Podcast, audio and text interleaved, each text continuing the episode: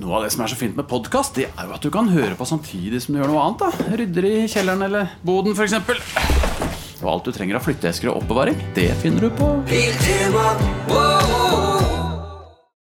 Astrofysiker Håkon Dale er tilbake i podden, og vi tar for oss eh, siste nytt fra verdensrommet. Eh, James Webb har eh, bl.a. oppdaget en, en galakse som danner stjerner i et voldsomt tempo. Det er funnet komplekse organiske molekyler i fjerne galakser over 12 milliarder lysår unna.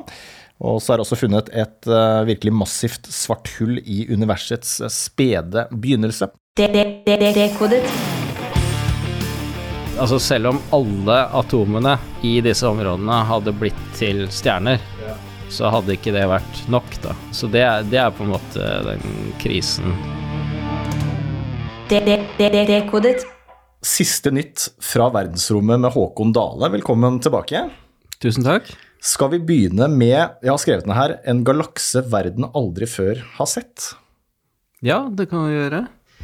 Um, ja, denne saken er jo da eh, en del av flere nye oppdagelser med James Webb-romteleskopet. Uh, og det dreier seg om ting som ligger uh, langt ute og langt tilbake i tid. Uh, så det vi ser, er jo at på den tiden vi ser tilbake til, så var forholdene ganske annerledes enn i dag. Og denne galaksen du nevner, da, som vi ikke har sett maken til, altså det handler om en galakse som er mye, mye mer kompakt enn de galaksene vi kjenner og ser rundt oss i dag. Og med kompakt så mener jeg at denne her da er ja, ca. en 400-del så bred som den galaksen vi bor i, Melkeveien. men likevel så lager den nye stjerner i uh, like høyt tempo som uh, Melkeveien produserer. Så ja. du har et veldig, veldig lite volum hvor det dannes stjerner i et uh, veldig høyt tempo, da, ja. per volum. så det ligner ikke på noe vi har sett før. Nei. Er det det som er overraskende, at den produserer stjerner i så høyt tempo? Og at den er så kompakt? Ja, kombinasjonen av de to. Ja. så det virker jo som om dette er en galakse som uh, Ja. Uh, den uh, har mye mindre av de tyngre grunnstoffene enn det vi ser rundt oss i dag. og det er rett og slett fordi disse tyngre grunnstoffene de blir jo bygd opp i stjerner. Altså generasjoner av stjerner som produserer disse grunnstoffene gjennom kjernereaksjoner i midten av stjernene, og så når de dør, eh, ofte så kan det skje på en ganske eksplosiv måte, og da sender de dette ut. Eh, og så blir denne gassen dannet, eh, altså grunnlaget for å danne nye generasjoner med stjerner, og så får man bygget opp innholdet av tyngre grunnstoffer gjennom tiden, gjennom universets historie. Men det, her okay. så ser vi jo tilbake til bare noen hundre millioner år etter starten, ja. og da var det Sånn som i den galaksen her, da, så var det mye mindre av de tyngre grunnstoffene. Altså det er noe av det, men, eh, men eh, kanskje en tiendedel eller mindre enn det vi ser i dag. Jeg har skrevet opp 510 millioner år etter universets begynnelse. Er dette en av de første galaksene som oppsto? Eh, nei, det er det nok ikke. Altså hvis vi ser på Altså, det, som jeg sa, dette er ikke den første generasjonen stjerner. Dette er ikke de første, du kan si, den tidligste fasen i en galakses historie, fordi uh, uh, nettopp av at det, vi, vi, ser jo noen grunnstoffer som da er dannet i stjerner i en tidligere generasjon, sånn som oksygen f.eks. Det blir mm. dannet i stjerner. Eh, mens i utgangspunktet så hadde vi jo bare hydrogen og helium sånn etter Big Bang. Mm. Uh, og bitte lite grann av litium, som er det tredje tyngste, letteste grunnstoffet. Mm. Uh, og så er det, jeg har skrevet opp store altså De stjernene som produseres i den galaksen her, er større enn de vi finner i Melkeveien? Ja, det regner vi med.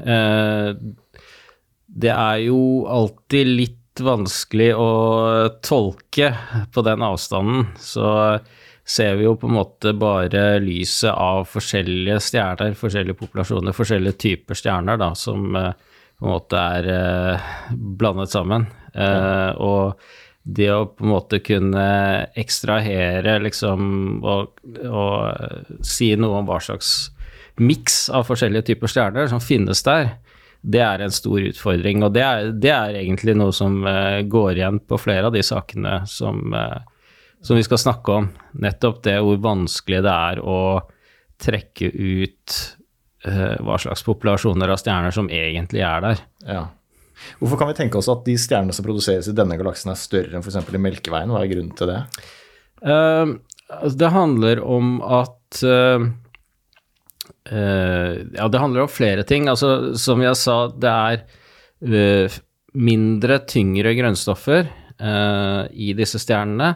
Hvis man har en veldig liten andel av tyngre grunnstoffer enn hydrogen og helium, så er det rett og slett altså selve astrofysikken da gjør det mulig å danne stabile stjerner eh, som har større masse enn de vi ser i dag. Eh, så de største stjernene, de tyngste stjernene som vi har eh, i Melkeveien f.eks., eh, i vår egen galakse, de har nok en masse som er ca. 200 ganger solas masse. Eh, Men vi tenker oss at disse tidlige stjernene kan ha hatt en masse som kanskje var 500 ganger solas masse, eller kanskje opptil 1000 ganger solas masse. Eh, og kanskje, det er det mer spekulativt, men eh, det går en del teorier på at eh, det kan ha vært den aller første generasjons stjerner som var enda mye tyngre enn dette her. Ja, stilig. Så er det, eh, er det overraskende at, eh, at, at man oppdaga den galaksen her i det hele tatt? At man tenker at man har oppdaget de fleste galakser der ute, eller er det spesielt dette at den er så kompakt, som vi sa i stad? Og Nei, altså det er en ny type galakse, liksom? Ja, nei, altså dette er jo på en avstand øh, og et, et tid i universets historie hvor vi har, eh, kjenner veldig få galakser fra før. Ja. Eh, og det vi har av data om disse galaksene fra før James Webb-teleskopet ble skutt opp, de er, det er veldig, veldig sparsommelig data. Eh, så det handler ofte bare om eh, ja, eh, en sånn omtrentlig anslag på hvor langt unna de er, og eh, hvor mye lys de sender ut på enkelte bølgelengder. Men eh, det er veldig, veldig lite fysisk informasjon vi har om disse galaksene fra før. ja. Og så kom James Webb, og så åpner det seg litt uh, muligheter her. Ja, altså det er jo nesten sjokkerende når man f.eks. ser på noen av disse James Webb-dataene og ser på spekteret av disse galaksene, da, hvor du kan se fingeravtrykkene til de forskjellige grunnstoffene og se hvor mye detaljer det er. Eh, og det er jo Det er ikke sammenlignbart med noe man har sett før på den, på den avstanden. Altså det ser jo ut som data man har hatt tidligere for galakser som ligger mye, mye nærmere oss. Ja, stilig. Og i omtrent samme periode her så er det også oppdaget da seks galakser som er like store som Melkeveien omtrent. Som også er overraskende, i perioden sånn 500 til 700 år etter Big Bang. Ja, eh, og når det står like store, så går ikke det nødvendigvis på, eh, på utstrekning. Det går vel eh, enda mer på eh, masse, altså hvor mye stjerner de inneholder. Eh, de er like tunge da, som, eh, som Melkeveien, tilsynelatende. Og det er, et, det er i utgangspunktet et ganske stort problem. Eh, Ok. Og det er fordi eh, teorien for hvordan galakser blir bygd opp og utvikler seg, det er at de på en måte starter med små galakser som utvikler seg og blir til større og større galakser, enten ved at mindre galakser kolliderer og blir til en større galakse, eller at uh, galaksene suger til seg, trekker til seg uh, gass fra områdene rundt, uh, og vokser på den måten og danner stjerner av den gassen den trekker til seg, da. Så, så vi har et bilde av på en måte galakser som eh, eh, De som vi ser rundt oss i dag, at de er bygd opp av mange mindre galakser gjennom tidene. Så i starten så var det jo da bare mindre galakser, mye mindre enn de vi eh, kjenner i dag, eh, sånn i, i henhold til de teoriene vi hadde fra før da. Eh, og det å se såpass fullvoksne galakser så tidlig, det er eh, ikke ventet. Nei. For dette er altså 500-700 år etter Big Bang ca. Når er det man tidligere tenkte at man fant så store galakser? da? Ja, da tror jeg i hvert fall man må tenker eh, ja, en milliard eller to milliarder år etter Big Bang. Å ja. Ja, Shit. at det ville tatt en god del lengre tid. Må vi skrive om teoriene her nå, da? eller? Ehm, ja, det er ikke helt sikkert det, fordi det går litt på tolkningen av disse dataene. Da. Fordi eh, det man måler, eh, er jo, eh, som jeg sa tidligere, det er en kombinasjon av lys fra mange forskjellige typer stjerner. Eh, og så er det sånn at eh, de stjernene som er eh, ja, flere titalls ganger tyngre enn sola, altså de som er 30, 40, 50 ganger tyngre enn sola, som inneholder ja, kanskje 50 ganger eh, mer masse enn sola, de skinner mye, mye kraftigere. Så har du en stjerne som er 50 ganger eh, tyngre enn sola, så skinner den kanskje flere hundre tusen til opptil en million ganger kraftigere enn sola. Så det lyset man ser, det er egentlig dominert av de aller tyngste stjernene. Og det å konvertere det lyset man observerer, til en masse, eh, det forutsetter jo egentlig at man vet hvor mange av de mindre tunge stjernene man blir dannet for hver av disse kraftige stjernene som egentlig dominerer lyset. Eh, så det man antar, det er at eh, for å komme fram til dette resultatet da, som er rapportert, da antar man at miksen av eh, hvor mange små stjerner man danner for hver eh, tunge stjerne, den er omtrent den samme som vi ser i Melkeveien i dag, f.eks. Eh, og det kan være gode grunner til at det ikke stemmer. Okay. Eh, så det er annet noen eh, forskere i eh, København som har sett teoretisk på dette her, og hvordan stjerner ble dannet tidligere i, universets historie, da forholdene var litt annerledes. Uh, og når jeg sier forholdene var annerledes, da er det spesielt to ting.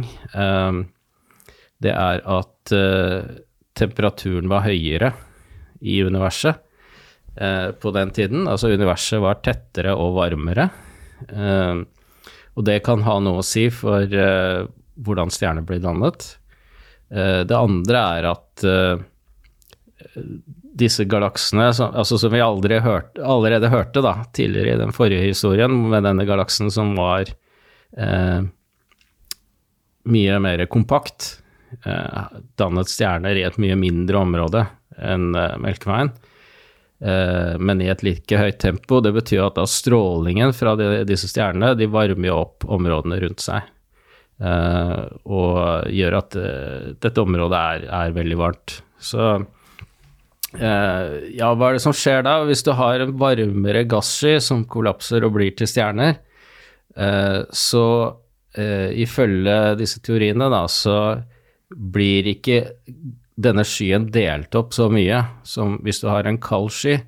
Så du kan tenke deg at du har en sky da, som kanskje har til sammen en million ganger massen til sola, og så blir denne her delt opp i mindre biter, og hver av de bitene blir til en stjerne. Ok. Eh, men hvis denne skyen er varmere, så blir hver av disse bitene litt større, sånn i Ja. gjennomsnitt. Og du får dannet færre av de veldig små bitene som okay. blir til de små stjernene. Ja. Eh, så, det, så hvis det er slik, da, så kan det hende at for hver av disse veldig lyse stjernene i disse galaksene som vi ser, så er det mange færre eh, mindre stjerner som sender ut mindre lys. ja. Eh, men de, de ville vi jo ikke sett uansett, da. Så vi ser ikke at de ikke er der, for å si det sånn. Nei. Eh, og det betyr at når man da skal regne massen av dette her, så er det Mesteparten av massen er i de mindre stjernene, bare fordi det er så veldig mange flere av de. Eh, sånn for eksempel i vår galakse så er det veldig, dannes det veldig mange flere stjerner som er mindre enn sola, og som sola, enn det dannes stjerner som er 10 ganger eller 20 eller 30 ganger større enn sola. Eh, så uh, så det, det man rett og slett kan se, det er, som, som uh, kan være forklaringen her, det er at lyset man ser domineres av disse, disse veldig lyssterke stjernene, og så er det jo faktisk ikke så mye masse i stjerner like, likevel, fordi du har mange færre av disse eh, mye mer tallrike, Ja. men eh, mye mindre lyssterke stjernene. Ok, ja, okay Så en antagelse, antagelsen er at det er seks galakser som er like store som Melkeveien når man tenker på masse, men det kan være at vi blir lurt av noen veldig lyssterke stjerner. Eh, det kan det være. Eh, hvis vi ikke blir det, så er det krise, eh, rett og slett. Fordi eh, ja, nå skal det sies en annen ting som kan være eh, en mulig utvei her. Det er jo at foreløpig så har man ikke målt avstanden til disse, disse galaksene på den mest nøyaktige måten. Okay. Så den mest nøyaktige måten er å ta et spektrum av disse galaksene og måle du kan si linjer i dette spekteret, da, eh, som er fingeravtrykk fra de forskjellige grunnstoffene. Da, da vet man akkurat eh, hvor langt unna de er, Ja. når man ser på disse detaljene. Men eh, eh, avstanden som man har i dag, det er basert på farger, rett og slett. At eh, disse ser veldig røde ut, eh, og så har man eh, målt lysstyrken i forskjellige filtre på forskjellige bølgelengder, og så sammenligner man det med galakser rundt oss, og så sier man at den, rødforsky- den rødfargen skyldes en rødforskyvning, rett og slett at eh, i takt med universets utvidelse, da, så har bølgelengden til lyset blitt strukket underveis mot oss. Eh, og jo rødere det er, jo lengre tid har eh, gått siden dette lyset ble sendt ut. Jo mer strukket er dette lyset blitt, jo lenger unna er det. Så, så rød farge kan være en indikasjon da, på at de er fryktelig langt unna, men det kan også være en indikasjon på andre ting. F.eks. da hvis du har veldig mye støv i en galakse, så absorberer støvet det blå lyset, mens det røde lyset slipper gjennom. Ja. Så da blir ting seende rødt ut, ikke fordi det er så Ja. ekstremt langt unna, men fordi eh, det inneholder mye støv, f.eks. Riktig. Så en tredje mulighet er at galaksen ikke er så gammel som, eh, som 50-700 år etter Big Bang, da, at den er nyere. Stemmer. Men er planen å gjøre noe spektroskopi her etter hvert for å komme til bunns i det? Ja, absolutt. Det, det er noe som eh, vi venter på. Ok, Når kommer det? Uh, sannsynligvis i løpet av et års tid, i hvert fall. Eh, akkurat når, når det skjer, det har jeg ikke sjekket. Nå ble det akkurat kunngjort eh, hvilke prosjekter som har fått gjennomslag for det andre året da, teleskopet er i drift, som, som da starter fra nå i sommer og så går et år framover. Eh, og det er vel egentlig ikke lagt noen sånn tidsplan for når de forskjellige prosjektene blir gjennomført i løpet av det året. Så, det, så jeg vet ikke akkurat når. Eh, Men vil vi da komme til bunns i det her, eh, når man gjør den spektroskopien? Eh, jeg, det, jeg tror man vil komme et godt stykke videre. Ja. Eh, fordi eh, den spektroskopien kan også gi litt informasjon om hva slags type stjerner det er snakk om, da. Eh, disse lyssterke stjernene. Eh, men, eh, men kanskje ikke så mye om hvor mye det er av de mindre lyssterke stjernene, da. Så, så det, er- det, er- det er litt usikkert. Eh, men altså, hvis de virkelig er så langt unna, og hvis det ikke er så, så Som jeg sier, da, at, at man på en måte mangler de mer tallrike og mindre lyssterke stjernene, hvis de faktisk er der, eh, så er det et kjempeproblem, fordi det det innebærer, det er at du kan si, innholdet av stjerner i eh, disse galaksene er eh, nesten Altså på grensen til, eller kanskje til og med større enn det totale innholdet av kan si, normal materie av atomer i dette området. Så altså selv om alle atomene i disse områdene hadde blitt til stjerner, Ja. så hadde ikke det vært nok da, til å forklare det du ser. Stilig. Eh, så det det er på en måte den krisen som Det er krise. eh, Ja. Men når du sier krise og problem, så tenker jeg shit, så spennende. Eh, Ja, ja. Da må man jo skrive om noen teorier her, kanskje, eller endre på vitenskapen, hva vet jeg. Ja. Eh, men det er nok Ja. Uh, Altså, det, det, er, det er fortsatt måter å komme seg unna det, men, men, men, eh, men du kan si alle løsningene innebærer jo på en eller annen måte at ting, forholdene på den tiden, var en god del annerledes enn det er i dag. Ja, Så uansett så forteller det noe oss om at universet har utviklet seg på en måte som vi kanskje ikke eh, helt hadde forventet på forhånd. Men når dere forskere støter på sånne problemer, da håper dere at, eh, at antakelsen er feil, og at det stemmer med det man trodde fra før, eller er dere åpne for at yes, det er litt spennende, da må vi kanskje endre på hvordan vi har tenkt tidligere og sånne ting? Nei, altså vi, det, det spennende er jo å finne ut noe nytt. Ja, ikke sant. Eh, men du kan si det er jo det nye det, Spørsmålet er jo hva det nye består i. Eh, og det er lite sannsynlig f.eks. at dette her er noe som vil kaste om kull på hele Big Bang-modellen f.eks. Ja. Eh, fordi den, den hviler på et veldig solid grunnlag. Eh, som går på andre typer observasjoner. Eh, altså, vi ser rødforskyvning, vi ser liksom at eh, fjerne galakser beveger seg vekk fra oss. Eh, vi kan måle universets ekspansjon, så da kan vi jo regne tilbake i tiden og finne ut at på et gitt tidspunkt, da, for 13,8 milliarder år siden, så var avstanden mellom oss og den fjerne galaksen, den, eh, den var i praksis null, da. Ja. Eh, så, så da har du jo eh, eh, et slags eh, ganske konkret eh, observasjonelt eh, belegg for å tenke seg at eh, du har en start, da, du har et Ja. big bang på den tiden. Så Big Bang-teorien den står fortsatt fjellstøtt. Det gjør den, ja. Og så er det funnet komplekse organiske molekyler i fjerne galakser. Det er et prosjekt som du også er med på. Ja, det stemmer. Um, ja, eh, det er ett eh, prosjekt hvor vi så på Eller vi er, vi er ikke helt ferdig med alle observasjonene, men uh, vi har det meste i boks. Uh, det er fire galakser vi har sett på. Uh, dette er én av dem. De ble valgt ut Ja, flere kriterier, men ett viktig kriterium, det var at de var forstørret opp av det som kalles for gravitasjonslinseeffekten. Og det er rett og slett at du har et, Uh, en masse der ute som er mellom oss og den galaksen vi ønsker å studere. Og den fungerer som en slags linse, denne galaksen som ligger langs synslinjen, eh, som bøyer av lyset fra den fjerne galaksen, fokuserer det mot oss, og det gjør at vi kan se den fjerne galaksen bedre. Det blir et slags forstørrelsesglass. da. Ja. Lyset blir sterkere. Ja, ja.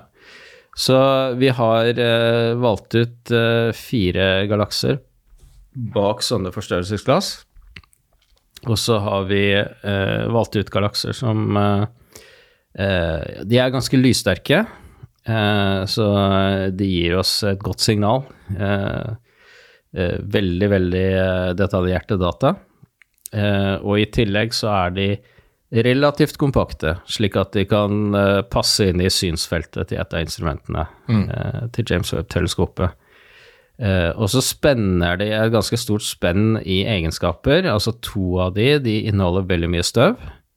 Eh, så de er av de røde galaksene jeg snakket om, som inneholder mye støv. og eh, lite blått lys slipper ut, men eh, vi kan se det infrarøde lyset med James Webb-teleskopet, fordi det fanger opp infrarødt lys. Så to av de er støvete, og to av de er eh, ikke støvete, men eh, veldig blå. Eh, inneholder masse unge stjerner. Alle fire har veldig kraftig stjernedannelse. Så to av de er opptil ja, 1000 ganger. Danner 1000 ganger solas masse i løpet av et år. Mens Melkeveien danner én solmasse per år Ja. i stjerner. Eh, så det er 1000 ganger eh, stjernedannelsesraten til Melkeveien i, i noen av disse. Så en av de er jo denne eh, galaksen som vi nå har eh, et resultat for, da, som eh, blir publisert i Nature, tidsskriftet Nature, i neste uke. Ja. Eh, så det er rett og slett Her har vi da funnet signaturen i spekteret av det som kalles for polysykliske aromatiske hydrokarboner. Forklar. Altså det er, det er en type ganske komplekse organiske molekyler hvor eh, du har hydrogenatomer i Nei, ikke hydro, eh, karbonatomer i ringer eh, med hydrogenatomer festet i det, og så har du flere ringer da som kan kobles sammen, så det blir, kan bli ganske store molekyler med kanskje flere hundre karbonatomer i. Ja, fordi når man snakker om organiske molekyler, så snakker vi om molekyler som inneholder karbon, ikke sant? Ja. ja. Eh, og uh, altså vi, vi forkorter det ofte PAH, da, uh, disse molekylene. Polysykliske aromatiske hydrokarboner. Det er PAH. Og de er, eh, har vi egentlig ganske mye å gjøre med sånn til hverdags, fordi eh, du finner det Altså, de dannes som eh, resultat av forbrenningsprosesser. Så du finner det i sigarettrøyk, du finner det i grillmaten din hvis den har ligget litt for lenge på grillen, sånn i form av sot.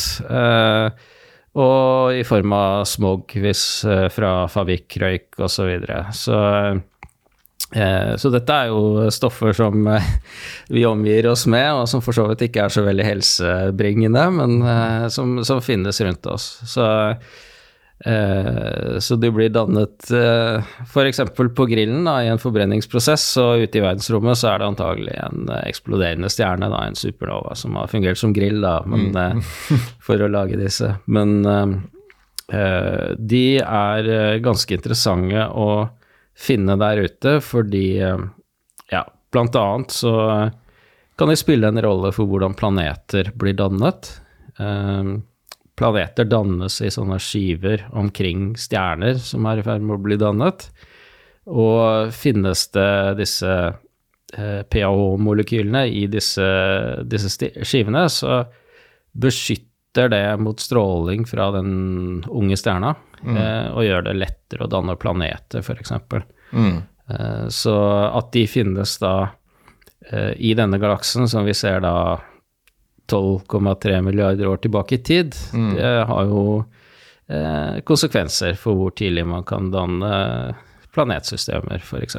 Ja. Er det tidligere enn det man trodde fra før?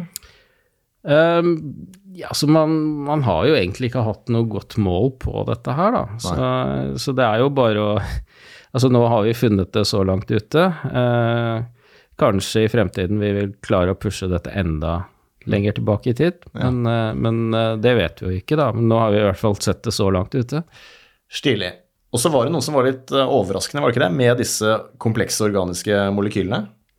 Altså, en ting som var overraskende, som ikke eh, vi hadde trodd på forhånd, det var jo at eh, det ser ut som om det ikke er noe sammenheng mellom hvor disse komplekse organiske molekylene befinner seg, og hvor det dannes stjerner.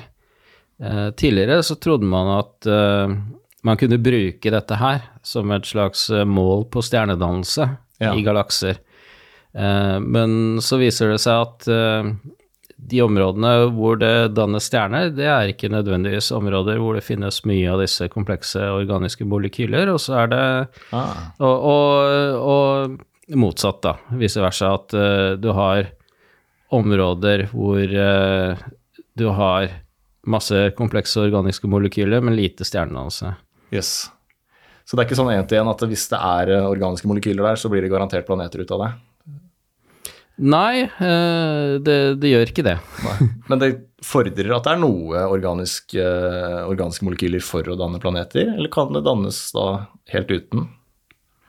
Du trenger ikke nødvendigvis organiske molekyler for å danne planeter i seg selv. Altså, eh, det, de hjelper til indirekte Ja. ved å gjøre det lettere for planeten å klumpe seg. Men det betyr jo ikke at, at det er umulig å danne planeter uten. Spennende. Og så er det også en oppdagelse. Altså det er oppdaget et eh, massivt uh, sort hull i, uh, også i universets uh, spede begynnelse. Ja, så vi vet i dag, hvis vi ser på galaksene rundt oss, så virker det som om de aller fleste galaksene, i hvert fall de som er på størrelse med vår egen og større, de har et supermassivt sort hull i kjernen. Altså med supermassivt så snakker jeg om altså en masse som ikke er eh, som sola eller som vanlige stjerner, men eh, vi snakker om masser som er fra flere hundre tusen opp til ja, ti milliarder ganger solas masse, som er da samlet, samlet inn i et sånt uh, digert sort hull. Og um, spørsmålet er jo hvordan de har havnet der, hvordan de har blitt uh, bygd opp, hvordan de har vokst og blitt så store som noen av de sorte hullene vi ser uh, rundt oss. Og da er jo teorien igjen, som med galaksene, at man tror at de har vært mindre, og så har de blitt bygd opp gradvis gjennom universets historie. Ja. Og da forventer man jo at jo lenger tilbake i tid, jo uh, færre og jo mindre vil man finne av disse supermassive sorte hullene. Så man finner da noen som er betydelig mindre massive enn de, de største man, man, ser i dag. Det er det man forventer. Så dette, dette man har funnet nå, da, det er jo um, ja, cirka Jeg tror det er ca. ti millioner ganger solas masse. ja. Og det er uh, Det kan vi kalle massivt. Ja, det er massivt. Uh, det er Eh, kanskje ikke det sorte hullet som eh, utfordrer modellene våre mest. Eh, fordi James Webb-teleskopet har også eh, studert eh, noen sorte hull som ligger eh, litt nærmere, som man kjente fra før. Ok. og da har man målt massen mye mer nøyaktig, og da har man kommet til et resultat som er bortimot en milliard ganger solas masse. Shit. Uh, og da er jo det store spørsmålet hvordan klarer man å samle den massen på såpass kort tid, da? Fordi da, da snakker vi om uh, ja, noen Altså kanskje 700-800 millioner år etter uh, Big Bang. Ja. man ser disse. Så da har det samlet seg da i disse sorthullene masse på en milliard ganger solas i løpet av disse 700-800 millioner årene. Og det eh, Ja, det er eh, litt usikkert hvordan man eh, kan få til det. Ja. Eh, fordi det er, en, altså det er en teoretisk grense for hvor fort disse sorte hullene kan vokse, rett og slett. Og det er når man hiver masse gass ned i de, så vil denne gassen, før den faller inn i det sorte hullet, så vil den lyse veldig kraftig og sende ut uh, kraftig stråling som varmer opp områdene rundt, og uh, til dels dytter vekk gass som hindrer ny gass i å falle inn. Uh, så det på en måte stopper litt av veksten, da. Mm. Så det er en det er en grense for hvor, hvor hurtig du kan fòre et sort hull, rett og slett. ja. Det er en grense for hvor hurtig det kan vokse. Og selv når du på en måte ligger på den grensen eh, hele tiden, over lang tid, eh, så eh, ja, så er det vanskelig å starte f.eks. med et sort hull som er, har masse som en stjerne, da. Mm. Eh, fordi det er, jo, det er, jo, den måten vi vet vi kan danne et sort hull. Det er hvis du har en stjerne som er eh, ja, ganske tung, altså da snakker vi om flere titall ganger solas masse, som bruker opp all kjernebrenselet sitt, slik at du ikke har noe energi i midten til å eh, holde den stabil, og så kan den kollapse og bli til et sort hull. Ja. Men da starter du med et sort hull som er noen titall ganger eh, solas masse, og så skal du vokse den til ja, en milliard ganger solas masse, det tar tid. Det tar tid. Og det er ikke så lang tid til rådighet, eh, rett og slett. Så det man må gjøre da, det er rett og slett å starte med noe som er større. Og spørsmålet er hva det som er større er. Ja. Er det da stjerner, altså er det en tidlig generasjon stjerner som da kanskje var ikke 1000 ganger, men kanskje 10 000 eller 100 000 ganger solas masse? Mm.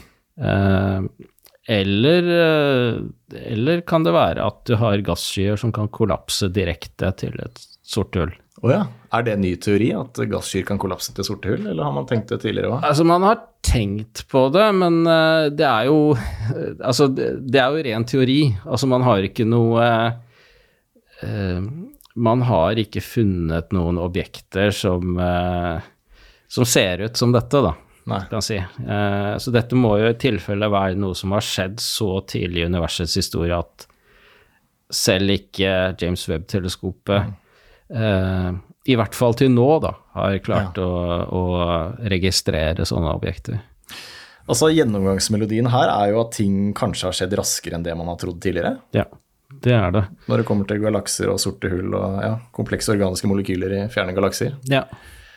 Um, hva er det, hvordan er liksom um, Hva skal jeg si um, i, forskningsmiljøet, hva tenk, er, det, er dette en slags åpenbaring sånn, med disse nye funnene, eller er det noe man har sett for seg kan være?